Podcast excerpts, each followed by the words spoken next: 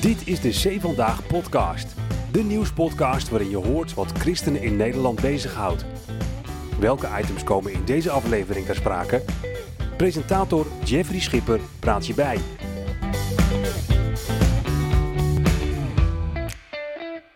We zijn zo'n vier dagen na de vreselijke inval van Hamas in Israël. En we maken een speciale Israël-podcast bij opperbijn Benjamin Jacobs.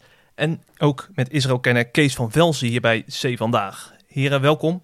Normaal begin ik een podcast heel uitbundig en vrolijk, maar daar had ik vandaag geen zin in, vanwege alle gebeurtenissen. Uh, hebben jullie een beetje geslapen de afgelopen dagen? Ik begin met de opperbijn.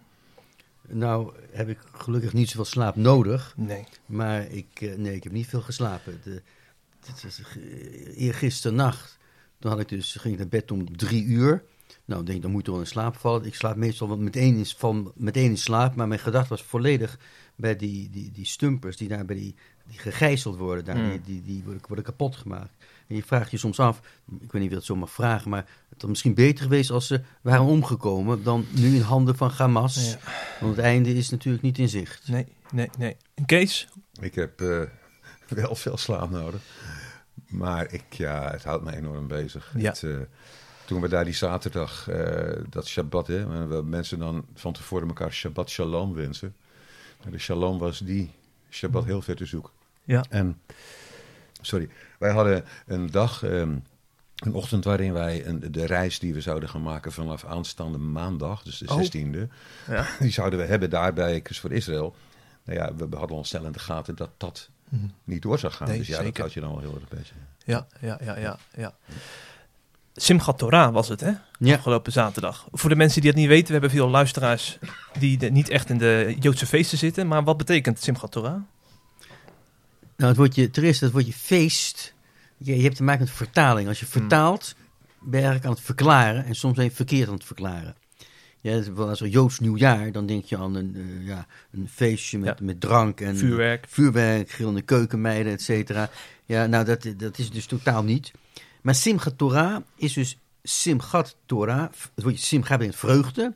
En de Torah is de Torah.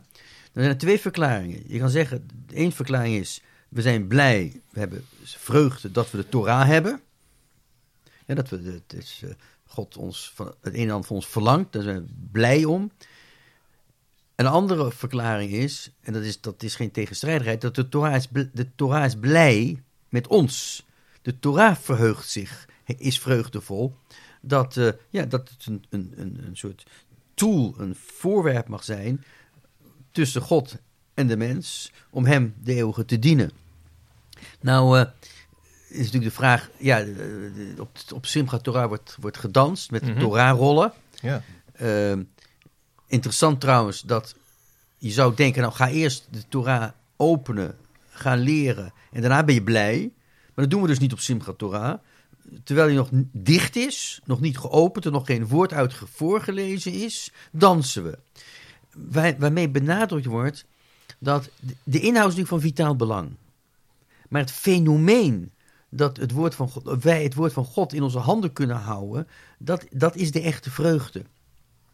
En als je denkt aan vreugde, en dan komen we natuurlijk op het, op het lopen we tegen het probleem aan, dat je in vele synagogen zag je dus dat eh, op het moment dat men hoorde wat er aan de hand was, via de beveiliging of wat dan ook, dat dan eh, nou, dat dansen er niet meer in zat. Nee. En eh, er wordt ook wel, wel, wel af en toe wat legaim gezegd op het leven. Ja. Joden horen niet te drinken. Maar je kan wel legaim zeggen. Dat is een andere vorm van omgaan met. Is, is het een voorwerp of is het het doel, de drank? Nou, op Simchat Torah wordt wel legaim gezegd. En ja, wat is vreugde? Ja, is vreugde, is dat, is dat eh, losbandigheid, gillen, brullen, dansen? Ja, ja, nee dus. Ja? En dus in sommige synagogen zag je dat mensen dus bedrukt waren. Daardoor het niet gepast vonden om, om vrolijk verder te dansen. Door andere mensen lijden. In de andere synagogen, en ik was zelf in Londen, in die synagoge waar ik was. Is dus juist extra vreugde, extra gedanst. Waarom? Wat is echte simcha? Simcha poretz geder. Simcha, dus vreugde, eh, eh, staat hoger dan grenzen. Dus stel nou, je hebt een, een rechtszaak en je bent schuldig en je staat voor de rechter. Nou, dan volgens de regels moet je veroordeeld worden. Je hebt een overtreding begaan. Als de rechter, de koning, echter in grote vreugde is, dan gaat hij, staat hij boven de rechtspraak.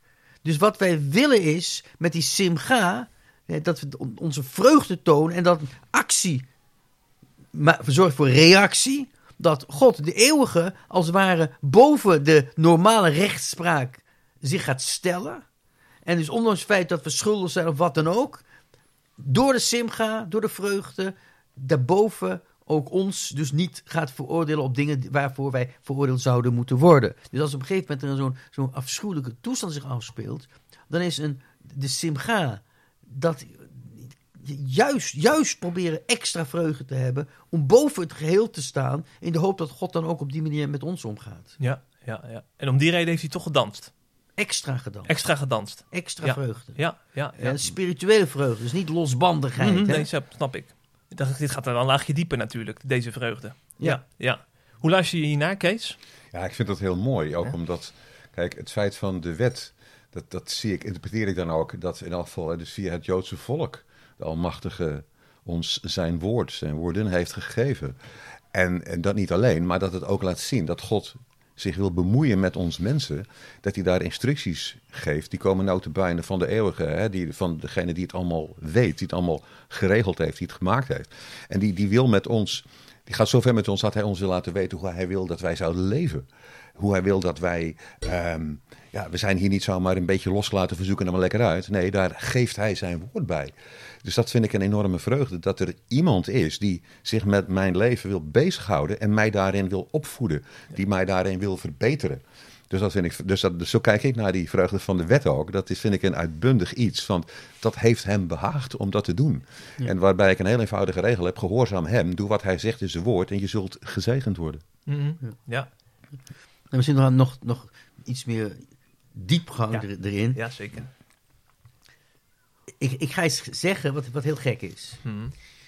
Er staat, ik veronderstel dat de mensen die meeluisteren een beetje bijbelkennis hebben. De, we kennen de wet van de rode koe. Dat heeft Ja. te maken met rein en onrein. Dat is dus, er staat Zot Chukat HaTorah. Dit is de wet van de Torah. Nee, dat had moeten staan. Dit is de wet van de reinigingswetten van de rode koe. Ja, dat staat er niet. Waarom staat er, dit is de wet van de Torah?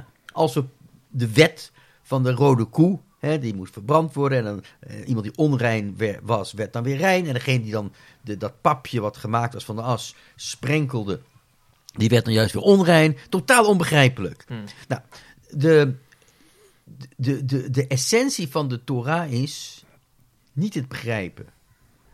Het niet begrijpen. Accepteren, doen omdat God iets van ons wil. Wat we niet altijd kunnen plaatsen. En dan ga ik iets heel geks vertellen. Er is in de maand Elul, dat is de maand voorafgaande aan Rosh Hashanah, Joods nieuwjaar, blazen we iedere dag op de shofar. Mhm. Wordt de vraag gesteld, waarom?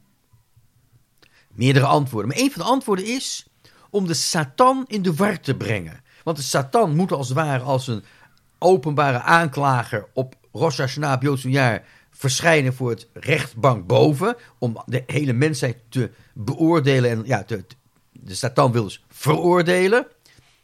En om hem in de war te brengen, dat hij niet weet wanneer het Rosh Hashanah is, wanneer die rechtszitting plaatsvindt op het Joods nieuwjaar, blazen we al in de maand Elul iedere dag op de, op de shofar. Dus hij weet dan niet meer, wanneer is nou Rosh Hashanah?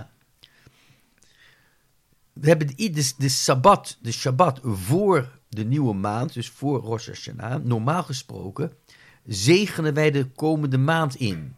Maar niet op de Shabbat voor Joods nieuwjaar. Dan doen we dat niet. En wordt vraag gesteld, waarom dan niet? Om de Satan in de war te brengen. Want hij weet dan niet meer wanneer het Rosh Hashanah zal zijn, nieuw, Joods nieuwjaar.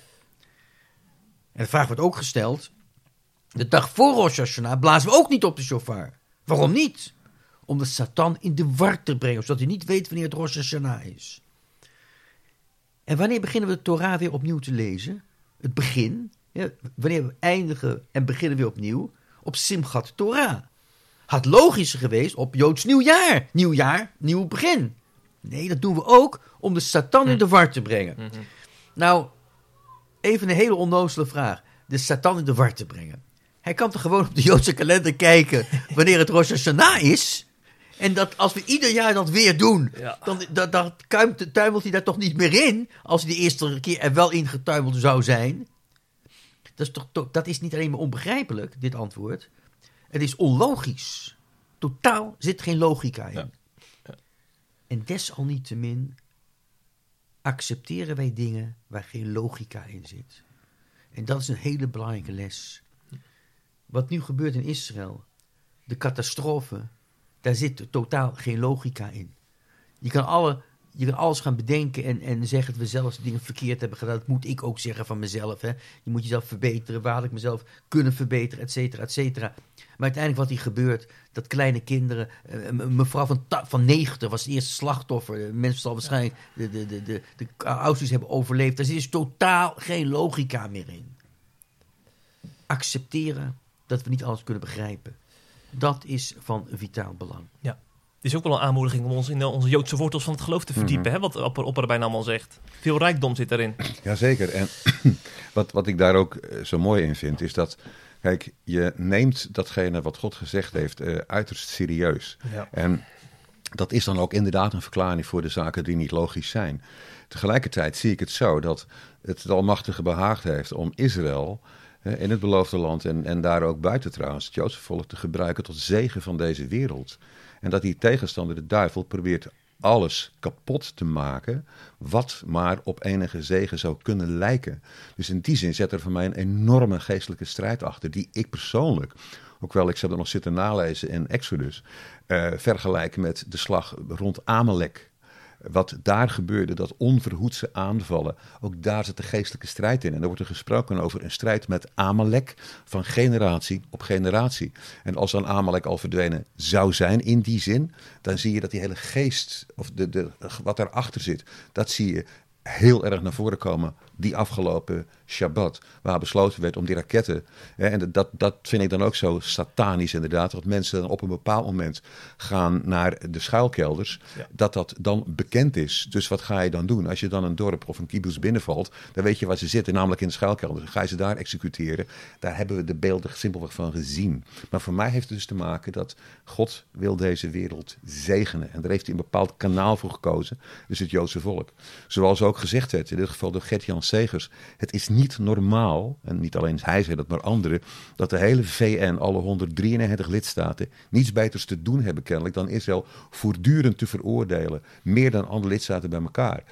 Waarom? Dat, dat is niet normaal te verklaren. Dan dat ik geloof van een enorme geestelijke strijd die erachter zit. Waarbij het al heel belangrijk wordt welke partij je dan kiest. Mhm. Waar je als mens staat. En niet, je kunt niet zeggen wat ooit gezegd werd: Wir haben is niet gewoest. Wij weten het heel goed, namelijk wat er gebeurt. En niet alleen waar je als mens staat, maar ook waar je als kerk staat. Want ik wil natuurlijk Zeker. naar het statement van de Zeker. PKN. hè. De PKN heeft Ja. zaterdagavond een statement op de website geplaatst. Ik citeer er eventjes uit.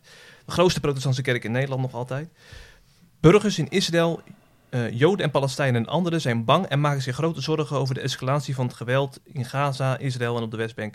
Laten we in onze kerkdiensten de nood, het verdriet en de pijn van allen die lijden onder deze oorlog in gebed opdragen aan God.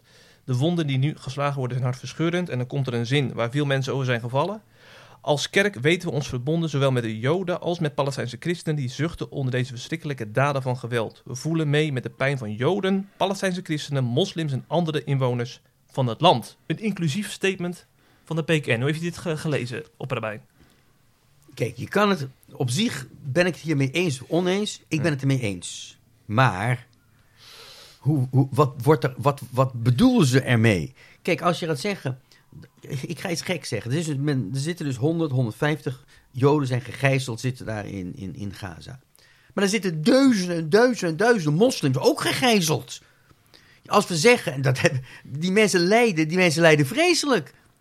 Ja, maar, maar, maar als je dit zo schrijft, dan, dan kan je denken dat het inclusief is de Hamas. Ja, dus op zich, als je gaat zeggen, we, we bidden voor het welzijn van allen die lijden, ja, dat, dat doe ik ook.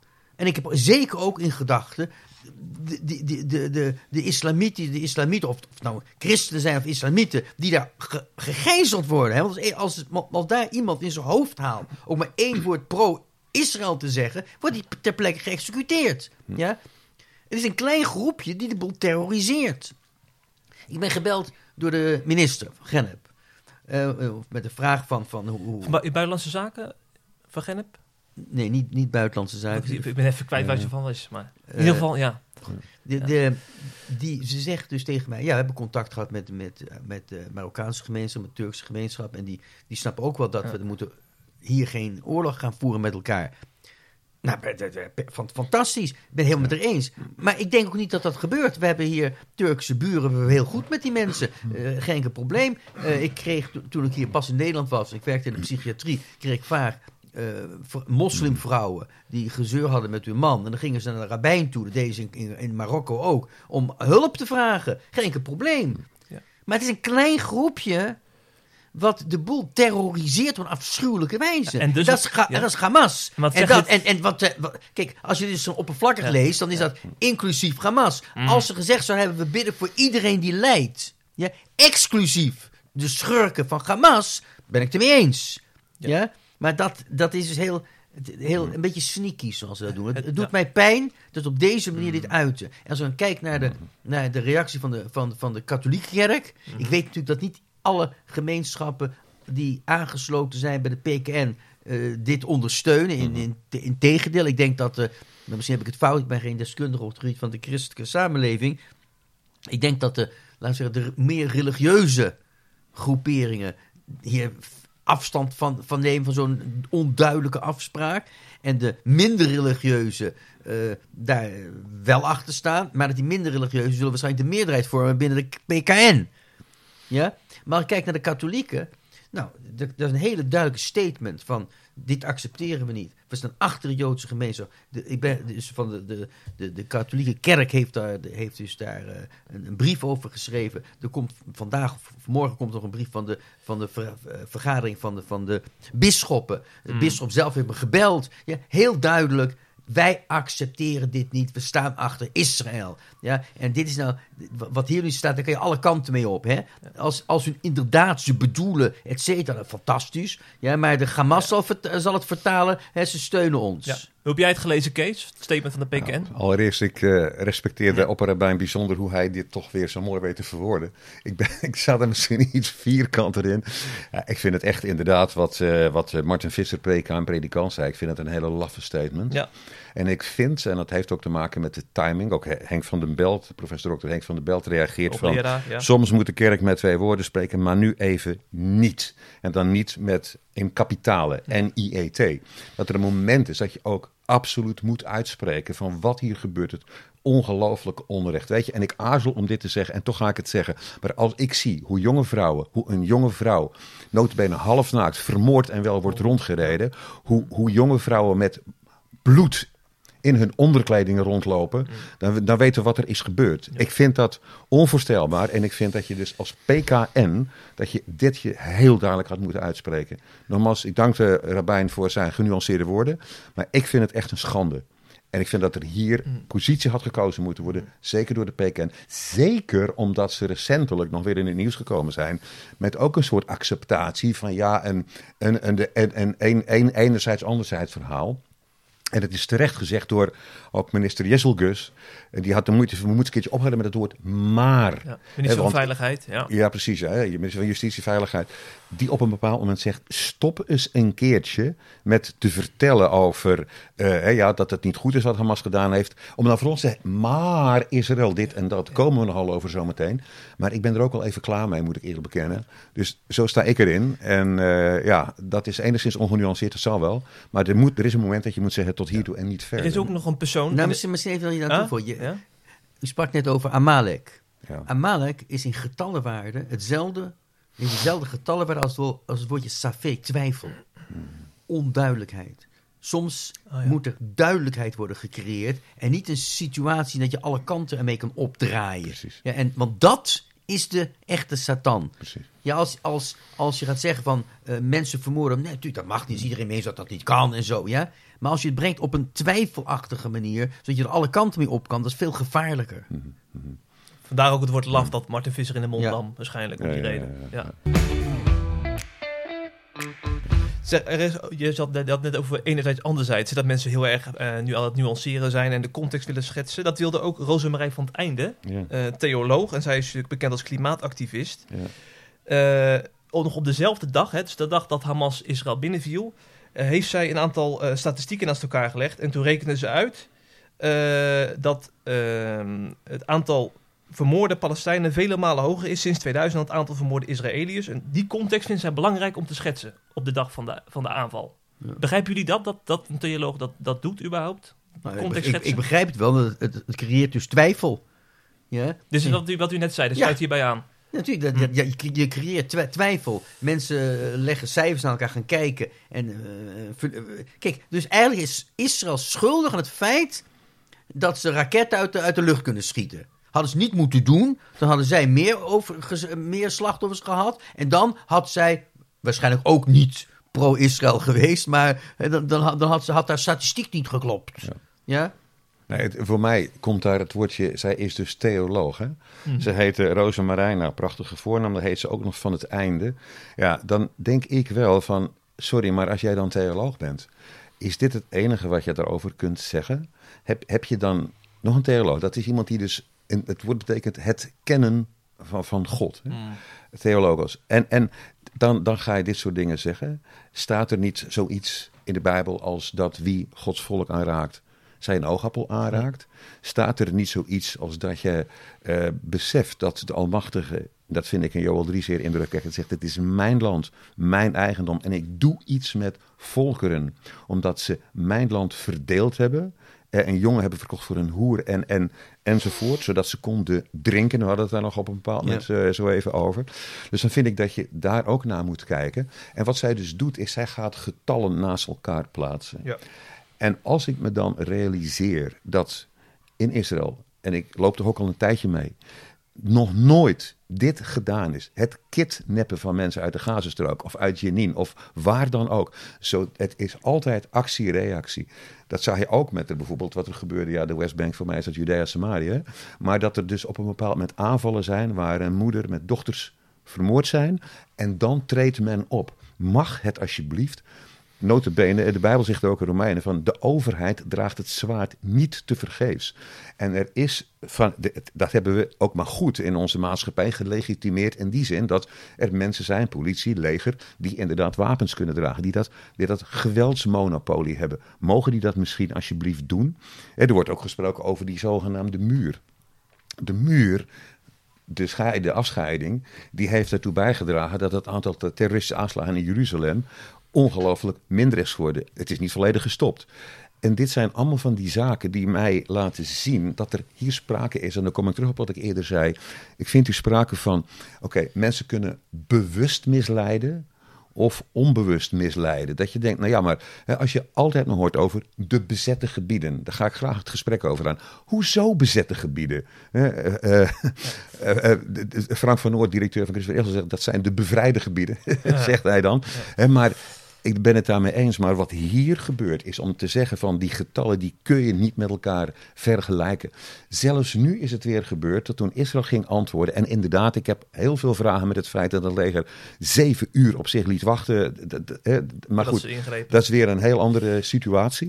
Maar het feit is dat zelfs nu weer door de IDF gewaarschuwd wordt. Wij gaan een bepaald gebouw aanvallen. Je krijgt de kans om weg te gaan. Hand en Broeken zijn nog op de televisie dat ze zelfs eerder een soort kleine soort granaten laten vallen van mensen. Het gaat serieus gebeuren. Ja, wegwezen. Ik vond het heel treurig om te lezen. En, en ik haat mensen niet, bepaald niet in tegendeel. Ik, ik, ik- God wil niet dat sommigen verloren gaan en alle tot bekering komen. Maar als ik dan zie, de grote terroristleider is een Mohammed Daif. Dat is niet zijn echte naam, zo, zo heet hij. Israël heeft, de man heeft een oog verloren en zijn benen. Maar Israël heeft, had hem kunnen uitschakelen, maar ze hebben toen bewust gekozen Ja. voor een minder sterke bom, waardoor de man het overleefd heeft. Ja, en hij blijkt nu dus, oké, als hij er is, is het weer een ander. Maar ik bedoel, dit, dit vind ik zo, eh, het vergelijken, dit is volstrekt niet alleen appels en peren vergelijken, maar dit heeft te maken met, vind ik, de enorme tolerantie die Israël aan de dag legt, door, het, door zoveel dingen toe te laten. Eh, en dan dat tegen hen te gebruiken. En misschien is. Israël een beetje te tolerant. Ja, laten we kijken. De Gaza hebben ze, hebben ze te- teruggegeven. Ik, ik, en noem wat, dat, ik, noem wat- dat, sorry, dat ik- maar ik noem dat weggegeven. Maar goed. Ja, oké, weggegeven. Ja. Ja. om, om, eh, in ruil voor vrede. Ja. Dat zou er dus zijn. Ja? Nou, die vrede heb ik nog niet gezien. Dus eh, iedere keer gelooft Israël toch eens de, de, de, de zwakte. Ja? In, in het feit dat als je nou maar toegeeft en de druk, politiek en zeggen, dan komt het allemaal goed. Maar het komt dus iedere keer niet goed. Ja? En als je dan zegt, ja, maar Mhm. vrede is toch zo belangrijk? Ja, absoluut, ja. En kijk, je zou vrede, je zou dingen kunnen uitwisselen, ja, afgeven, hoe, hoe, hoe je het ook noemen wil. En je hebt een partij tegenover je. En je maakt afspraken. Maar je hebt helemaal geen partij tegenover je. Met wie moet je nou afspreken? Je, laten we even zeggen. Hamas en, en, en, en die jihad die vermoorden elkaar als nodig is. Ja, dus met wie moet je een afspraak maken? Dat deden ze in, dat deden ze in 2007. Ja, Ze hadden zogezegd legaal gewonnen, Hamas. Dat deden ze. Ze Ja. gooiden Fatah-leden 130 zetten Ja, tegen de muur ja. gooiden ze een gebouw af. ja, precies. Dus met wie moet je nou afspreken? Het is onmogelijk. Je zou nog kunnen zeggen. Kijk, los van het feit dat het het Bijbelse land is. en dat we, mijn zin is, helemaal niks moeten, niet afstaan. of hoe je het noemen wil. Volledig mee Ja? eens. Volledig maar, mee maar eens. zelfs als je dan zegt, nou nee, ik, ik, Bijbel hoeft voor mij niet, ik ga op mijn verstand af. Je verstand moet toch inzien dat je op zijn minst, als je iets wil wisselen en afspraken wil maken, er iemand moet zijn met wie je die afspraak maakt. Ja, er is totaal geen respect voor En het levens. moet concreet zijn. Ja, er is totaal geen respect voor levens. Maar even terug naar Rozemarijn van het einde. Hè? Want zij Ja. behoort ook die groep die wil begrijpen waarom die, die mensen zich zo hebben gedragen zaterdag, die verschrikkelijke terroristen. Er is, het is toch wel logisch dat mensen dat willen begrijpen en verklaren waarom dat. Omdat die mensen dat die gebeurt? worden totaal geïndoctrineerd. Kijk, Ja. ma- je- helaas is het zo dat mensen heel makkelijk beïnvloedbaar zijn. Hè? Mhm. Als ik een toespraak hou en ik zeg... eh, u bent toch allemaal zeer intelligent. En u weet toch dat de wereldberoemde professor Strompelmacher dat en dat gezegd heeft. Dan gaat niemand zijn hand opsteken. Wie is professor Strompelmacher? Want ik heb gezegd dat hij wereldberoemd is. En dat, dat, je, dat jullie intelligent zijn. Ja? Mensen zijn zo makkelijk te beïnvloeden. Daarom... Ja, de, de, de- we- tevoren hadden we het even over de, de bezette gebieden, hoe we het noemen. Dat zijn van die hele eh, slinkse manieren om mensen heel, heel rustig te indoctrineren. Ze een mening te geven, zonder dat ze zichzelf voelen en beseffen dat ze geïndoctrineerd worden. Niemand van, bezet? Hoezo bezet? Nee, je, wordt, je hoort steeds maar het woordje bezet. Als je maar genoeg ja, eh, frappé toujours, steeds maar hetzelfde herhaalt en herhaalt en herhaalt, dan is het een deel van je denken geworden. En, en dat, dat gebeurt er dus. Hè. De, de, de- er wordt steeds maar. Natuurlijk doet Israël ook dingen fout. Ja? Maar als in Israël, een Israëlische leger, een soldaat iets zal doen wat niet deugt, dan heeft hij een probleem.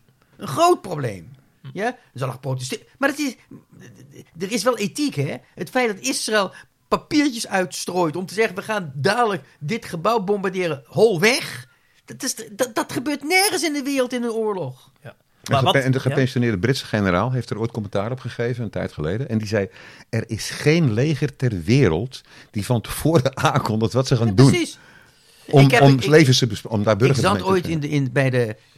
Je, had altijd de herdenking van de capitulatie in Wageningen. Mhm.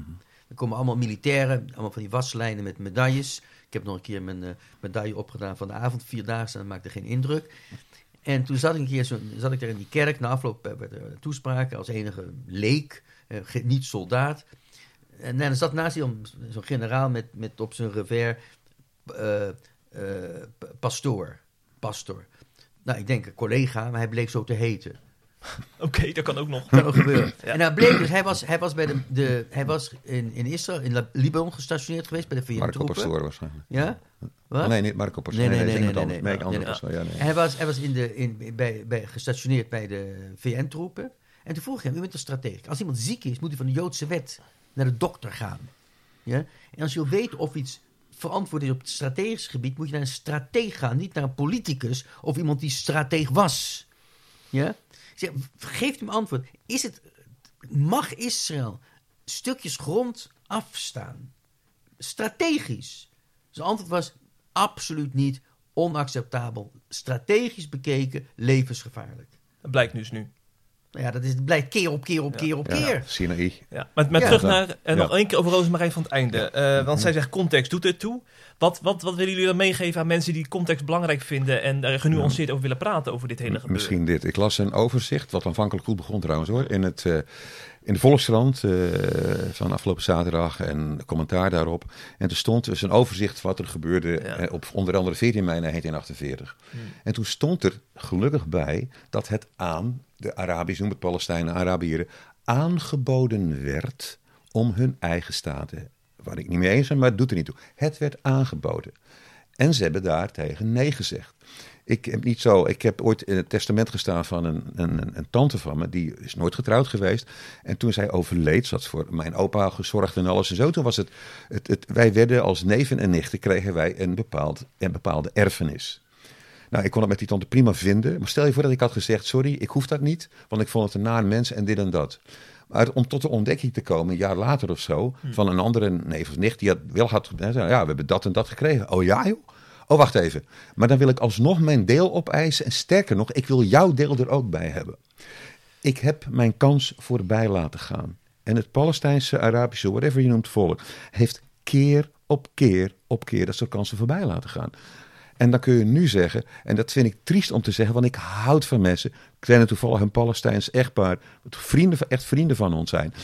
Maar, en, en we zijn dat politiek niet met elkaar eens overigens. Eh, Maar ik vind het triest. Het is precies wat eh, de rabbijn zo even gezegd heeft. Het wordt gegijzeld. Je wilt toch niet bij je volle verstand zijn.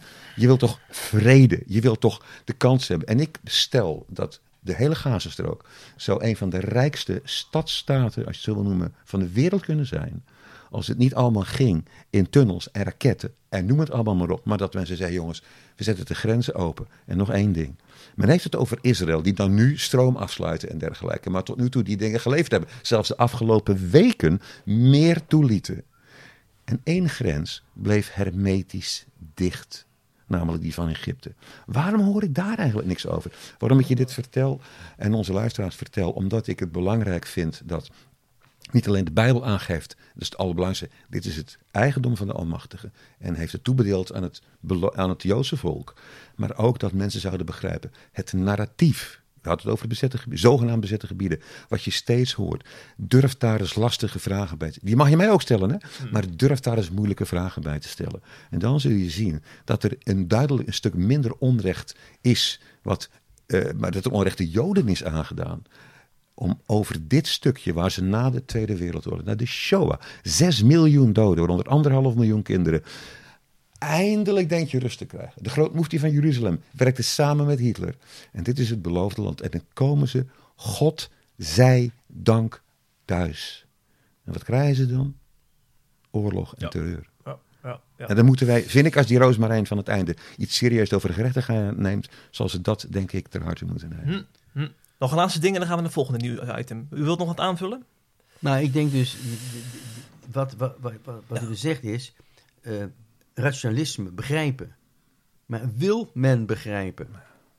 Ja, de, de, Ja. de, de, de Hamas wil juist twijfel, Hm. onduidelijkheid creëren. Hamas is niet geïnteresseerd in vredesbesprekingen. Precies. Maar dat houdt een erkenning in van Israël. Ja. Nou, er is ja, geen, maar zelfs geen, geen erkenning. Ze, gewoon, ze macht. eh, ze, ze en- willen niet. Maar ze willen hun eigen mensen ook niet le- een normaal leven geven. Nee, precies. We gaan naar Nederland, want eh, uiteraard ook het hele land eh, eh, staat zo'n beetje in het teken van, eh, van wat er gebeurt hè, in, eh, in Israël. Eh, de vraag gisteren was, grotendeels op de sociale media, wat doe je met die Israëlvlag eh, in je gemeente? Er zijn natuurlijk gemeenten die het, bijvoorbeeld de eigen vlag ophangen, de Utrechtse vlag werd opgehangen, de Zwolse vlag werd opgehangen. Eh Anderen kozen toch voor de Israëlvlag. Ik zag bijvoorbeeld Urk uiteraard, die dat Ja. deed. Katwijk deed het. Maar ook Amsterdam, de Stopera, hè, daar hangt ook de Israëlvlag. Ehm, Pieter Grimwis, ChristenUnie-Kamerlid, is ontzettend kwaad. Want eh, hij woont in Den Haag. En de gemeente Den Haag heeft besloten om eh, niet die Israëlvlag eh, op te hangen. Begrijpen jullie de woede van Pieter Grimwis? En is het überhaupt voor jullie een item? Het is natuurlijk niet prioriteit nummer één momenteel hè, in het Palestijns-Israëlisch conflict. Nee, ik denk het niet. Maar de hele wereld bemoeit zich altijd met Israël. Als we naar andere landen kijken, in Afrika wat er gebeurt, hoe mensen worden vermoord, afgeslacht, daar hoor je nooit, nooit iets over, niemand geïnteresseerd. Ik denk daar wel, kijk, wat bijvoorbeeld Rutte heel duidelijk heeft gezegd. Er is hier afschuwelijke agressie gepleegd. Hmm. En er is niet eh, maar dan. Ja, dit veroordelen wij. Wij hijsen de Israëlische vlag. Dat is duidelijk. Om het binnenhof hangt hij, hè? Ja. Maar als je op een gegeven moment een, een, een, een, een andere vlag gaat ophangen, dan zit je, net zoals die verklaring van de PKN, ja, het, is, het is geen hom en geen kuit. Je kan het alle kanten opdraaien. Je kan tegen de Joden zeggen, zie je wel, we, hebben de vlag eh, half stok gehangen. Ja, en je kan tegen anti-Israël mensen zeggen, ja, zie je toch, we hebben de vlag opgehangen. we leven half mee. Ja. We leven mee. De alle kanten opdraaien. Nou, en dat, dat onduidelijkheid, twijfel, is, een, is gevaarlijker dan een negatieve duidelijkheid. Ja, ja. Ik vind het, en dat, dat hoort er dan ook nog bij. Kijk, meneer eh, Abu Talib is toch, wordt over het algemeen gezien. Oké, hij vertelt dat hij salafist was in de, toen hij in de, door het programma Zomergasten zat. Maar hij wordt er wel gezien als, zo komt hij over, als een integere man. Die ook over het algemeen boven partijen kan staan. Ik had het van hem. Ik, ik, ik kies nu bewust even voor een iets decentere toon als zo even. Ik had het van hem zeer op prijs gesteld. Dat hij hier had durven kiezen en zeggen: wij hangen die vlag op. Zoals we dat ook hebben gedaan voor Oekraïne en, en allerlei andere zaken. Daar had ik heel veel respect voor gehad.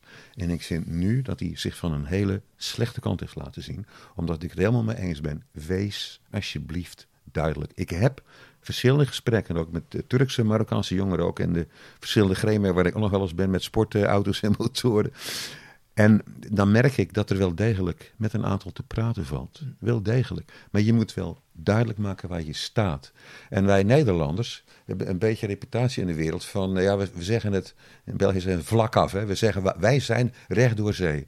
Nou, ik vind dit gechicaneer. Ik vind dit onduiken. Ik vind dit laf. Maar mag je dan nog wel onderscheid maken tussen een Abu Talib, die dus echt moslim is, en een burgemeester Verhoeven van Gouda, die, die gewoon een SGP-burgemeester is? Dat- dat- Van Abu Talib begrijp je dat misschien nog een beetje? Ik vind het van een, een burgemeester, die wordt ook wel genoemd een burgervader. Een burgervader die moet boven partijen kunnen staan. En die moet kunnen aangeven en kunnen duiden, jongens, hier is onrecht. Die moet juist, vind ik, in, of dat nou een man of een vrouw is, maar eh, eh, burgermoeder, ik weet niet, maar burgervader in elk geval. Maar die moet in elk geval durven zeggen, hier kiezen wij een bepaalde positie. En dan maakt het me niet uit, wat- dan mag je, vind ik, je eigen achtergrond daar geen rol in spelen. Ik denk ook niet dat bij Abu Talib de achtergrond een rol speelt in deze. Ik denk niet dat hij er zo in zit. Hij is een, een- een goed mens. Maar ja, ik denk dat hij kiest voor de, de, een beetje de slappe weg. Ja, om te voorkomen dat anderen gaan zeggen, je, je- bent partij voor en je bent tegen dit. En dus geen duidelijkheid wil gaan creëren en dus de twijfel gaat zaaien. En dan heb je niks opgelost, niks. Ja. Maar dan ook eh, burgemeester Verhoeven van Gouda. Want er zijn echt mensen boos. Eh, ik zag Bart-Jan Spruit, dus een publicist. Mhm. Cor Verkaan, een belangrijke ondernemer. Die wonen in Gouda. En is heel, heel erg betrokken bij Israël ook. En die zijn echt boos van... Ja, Zo'n burgemeester die notabene SGP'er is. Hè, die zijn heel erg verbonden met Israël. Dat hij dat blijkbaar dan niet aandurft. Wat zegt dat dan? Ik ken het belachelijk. Eh, Gouda is een stad van de stroopwafels, een zoete lekkernij. En van de kaarsen, dat verspreidt licht. Deze meneer heeft beide, heeft geen zoets gebracht en zeker geen licht. Laat hij zich alsjeblieft ervan bekeren en alsnog die vlag ophangen. Ja. Het, het, blijkbaar is het dus geen achterhoede discussie. Want ik twijfelde gisteren van, maken we dat niet allemaal te groot, die vlaggen, weet je wel? Moeten we niet vooral met de inhoud bezig zijn? Maar dit is wel inhoud waar we het over hebben. Ja, kijk, dit, dit is een demonstratie van inhoud. Hmm. Ja, als er nergens een vlag zou zijn opgehangen, oké, prima, geen vlag. Ja, maar dit wordt dus nu een inhoudelijk verhaal. Ja, ben ik, hou ik mijn rug recht? Ben ik bereid om duidelijk aan te geven waar ik sta? Zoals onze minister van Veiligheid. Eh, waarvan ik denk dat ze door haar optreden misschien de kans dat ze minister-president wordt kleiner maakt. Ja, als je gaat kijken naar politiek, naar stemmen, zal ze meer mensen tegen zich krijgen dan met zich. En desalniettemin toont ze ruggengraat. Nou, het meest, de, de ruggengraat. Kijk, de meeste mensen, en eh, ook vaak politici, hebben een orthopedisch probleem. Geen Oké. ruggengraat. Ja, ja, ja. Ja? En, en de, de, de- ja, dan, dan, dan, dan, ja, dan hou, je, hou je iedereen te vriend. Je kan niet altijd iedereen te vriend houden. En, en er komt nog iets bij, hè, dat ik, best, ik was best wel verbaasd eigenlijk over, nou, dat Frans Timmermans en Jesse Klaver, ik verraad geen geheim als ze zeggen dat is PvdA niet mijn partij, Ja. hè, maar dat die best wel een statement maakte, zeker ook Jesse Ja, Klaver. zeker. En GroenLinks, wat dat betreft, heeft geen beste reputatie als het over antisemitisme nee. en dergelijke gaat. Maar bijvoorbeeld ook, je hebt nog een webblad dat heet Geen Stijl. Nou, de naam zegt het al, dat wil, hè. Daar dus ben ik geen fan van. Maar zij durfde wel degelijk positie te kiezen. En sommige mensen zeiden ook dat zij nog de meest nou, duidelijke informatie en, gaven. En niet bang waren om kleur te bekennen. Ze waren sneller Dus dan de NOS ook, hè, met alles. ja, ja, ja, ja, Ja. ja, ja, ja, ja. En dus, dus ik, wat dat betreft kom je soms nog voor verrassingen te staan. Mhm, mhm. Ja, maar als we het dan hebben, eh, ik weet niet of u eh, ooit een tweede huisje zou willen. Dan zou ik echt Urk overwegen. Want daar hangt bij, bij de, iedere huis hangt daar een Israëlvlag. Ze hebben de vuurtoren verlicht met de Israëlvlag. Ze hebben het volkslied gezongen op zondag. Ja. Dus, eh Het Hatikva, dacht ik ook. Hatikva, oh, Hatikva, ja. Ja, ja, Hatikva, ja. ja. Ja. Dus misschien is het idee om een keer eh, op Urk eh, te gaan wonen. Nou, waarom, waarom, waarom het tweede huisje? Waarom gewoon niet het, het eerste huis? ja, dat zou ook nog kunnen. Ja, de rode loper wordt sowieso voor u uitgerold in ieder geval, als u daar komt. Zeker. Ik, En mogelijk, kom mogelijk gratis eh, koosje de vis. Ja, Oh ja. een heleboel kozen vis hebben ze daar. Hè? ja. Nou, ik hoop dat ze luisteren in Urk dan. Ja. eh. Ja, Ja. ongetwijfeld. Ja. Zeg, eh, er wordt gesproken over een soort van 11 september voor Israël. Ervaren jullie dat ook zo? Een eikpunt, een kantelpunt voor het land? Ik- het is moeilijk om dingen te gaan vergelijken. Ja. En één, misère met de andere. Te, ik hoorde de stemmen, ja, oh, dit is erger dan. Ik weet niet of je pijn en, en kommer en kwelling moet gaan vergelijken Nee. met elkaar. Ja? Maar het is, wat er nu gebeurt is natuurlijk een, een, een, eh, ook een blamage voor Israël dat ze dat niet hebben kunnen voorzien. Ja, dat, dat het zelfvertrouwen wordt daar ernstig door aangetast. Maar als ik nog gisteravond hoor hoe Netanyahu spreekt, ja, met een Ja. sterke taal, dan, eh, dan denk ik dat dat belangrijk is. En ik zie hoe in het leger zelf de, de, de, de soldaten gemotiveerd zijn. Want de motivatie is er. En de eenheid is terug. Ja, die was weg geweest. Helemaal weg, half jaar. Ja. Ja, en het is interessant. Er staat dus, interessant, in de, in de, in de, op de Seideravond met Pesach, dan zeggen Begol door Vlador in iedere generatie om dim alleen le galotenu. Staat met tegen ons op ons te vernietigen. Door de eeuwen heen. Shlo echat bilvat amadel le galotenu. Niet slechts één probeerde ons uit te roeien. Als je het letterlijk vertaalt, staat er Shlo echat. Het feit dat we niet één zijn. Dat is een groot gevaar. En dat, dat was hier aan de hand.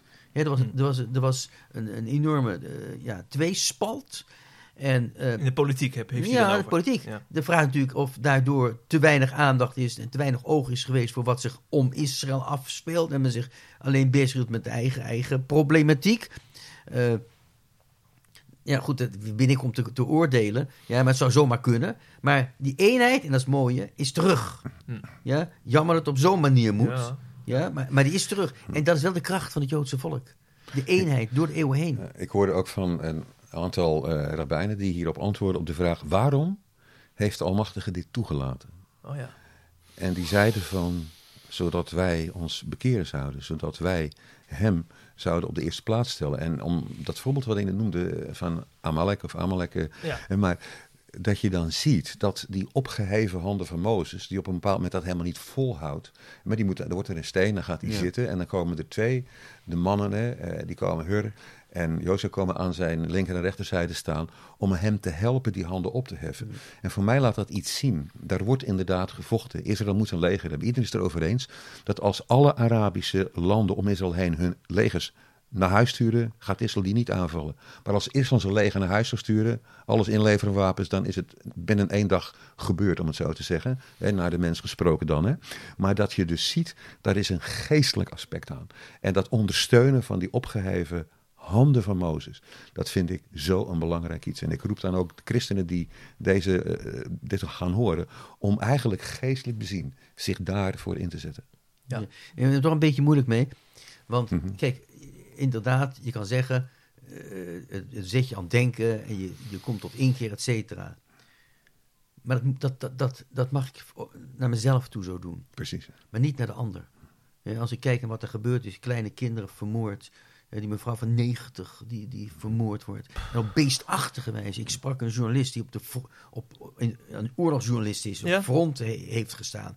dit wat hier gebeurt, heeft nog nooit eerder gezien. Ik, kan- ik, ik kan een heleboel aan. Ik, ik, ik, ik, ik heb zoveel meegemaakt, maar zo gruwelijk. Ja, dan vind ik niet dat ik mag gaan zeggen van eh, eh, tot inkeer komen. Ja, voor mezelf. Ja. Maar tegelijkertijd, en daar begon ik mee. Mm. Uiteindelijk kunnen we niet on- mijn gedachten en uw gedachten en niet mijn daden en uw daden. Uiteindelijk moeten we accepteren en accepteren. We moeten ons verdedigen. Ja, maar we, uiteindelijk, God overstijgt ons verstand. Het waarom, waar was God in Auschwitz? Maar dan ben ik God aan het ja, maken tot een soort mens, maar dan veel hoger. En probeer met, met mijn ratio, met mijn verstand, hem te begrijpen. God is niet te begrijpen. Waarom is er een wereld? Ja, waarom, waarom is er een schepping? Waarom, waarom, waarom? Ja, uiteindelijk moeten we weten, God overstijgt ons verstand. Dus ook dingen die totaal onlogisch zijn. Ja, ja die zijn onlogisch. Ik moet proberen alles te begrijpen, maar ik moet weten en accepteren dat er dingen gebeuren die ik niet kan begrijpen. Ik kan niet plaatsen wat hier gebeurd is.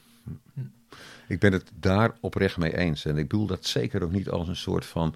Nou ja, oké, weet je, dat eh, je, je oogst wat je gezaaid hebt. Dat bedoel ik zeker niet. Het gaat over een persoonlijke inkeer. Ook voor mijzelf. Dat ik, ik, ik ben zo blij dat ik mag ook vanavond weer eh, een lezing gaan houden en zo.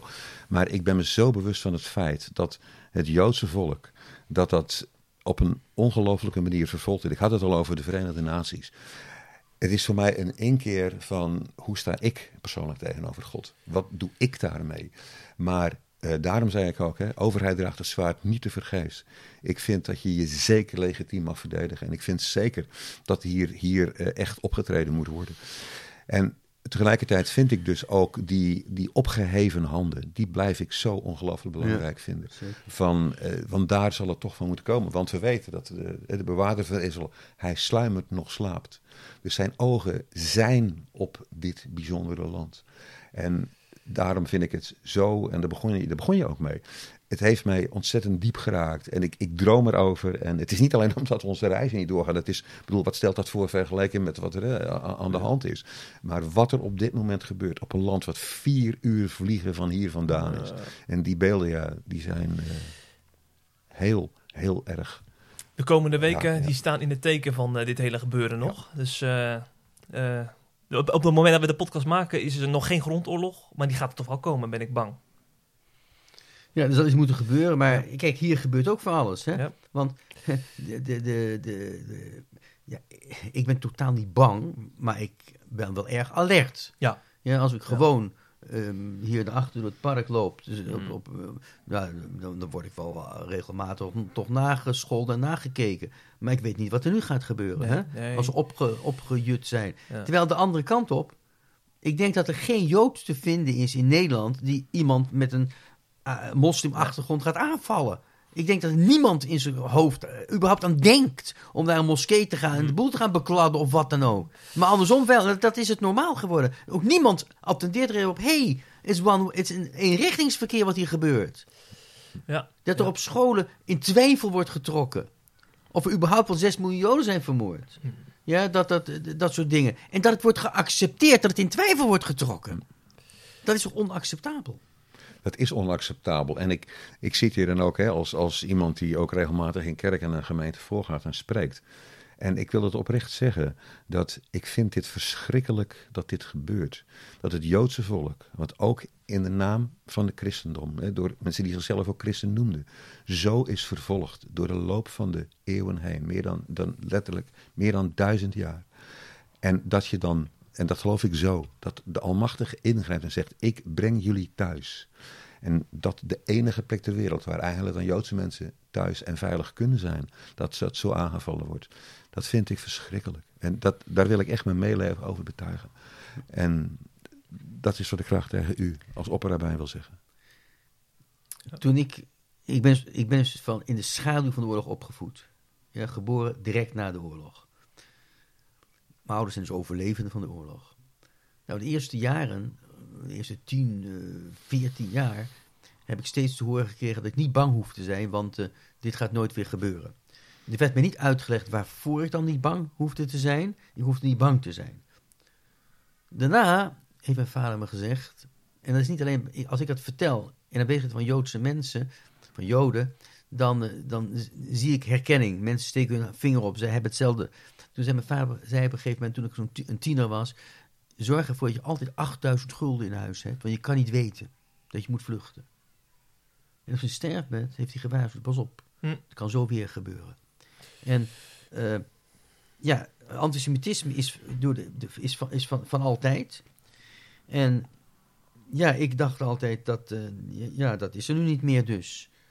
Maar waarom, waarom ben ik anders dan alle generaties voor mij? Het is altijd geweest. Ja? Ieder, altijd is er wel wat waarop we aangesproken werden. Ja, in de tijd van de. Het is een, het is een virus die muteert, antisemitisme. En, en eh, in de tijd van, van de kruistochten, nou, hadden we Jezus vermoord, mochten we dus vervolgd worden. In de, in de, tijd van de middeleeuwen hadden we de, pest veroorzaakt. Mijn ouders hadden het verkeerde ras. En ik ben Zionist. Of ik nou wel ben of niet ben, is totaal niet relevant. Ik ben Zionist en dus deug ik niet. Ja, antisemitisme bestaat niet meer. Niemand is antisemiet. Iedereen is anti-Zionist. Ja? Een ander naampje gekregen. Nou ja, het, het is steeds aan het muteren. Ja.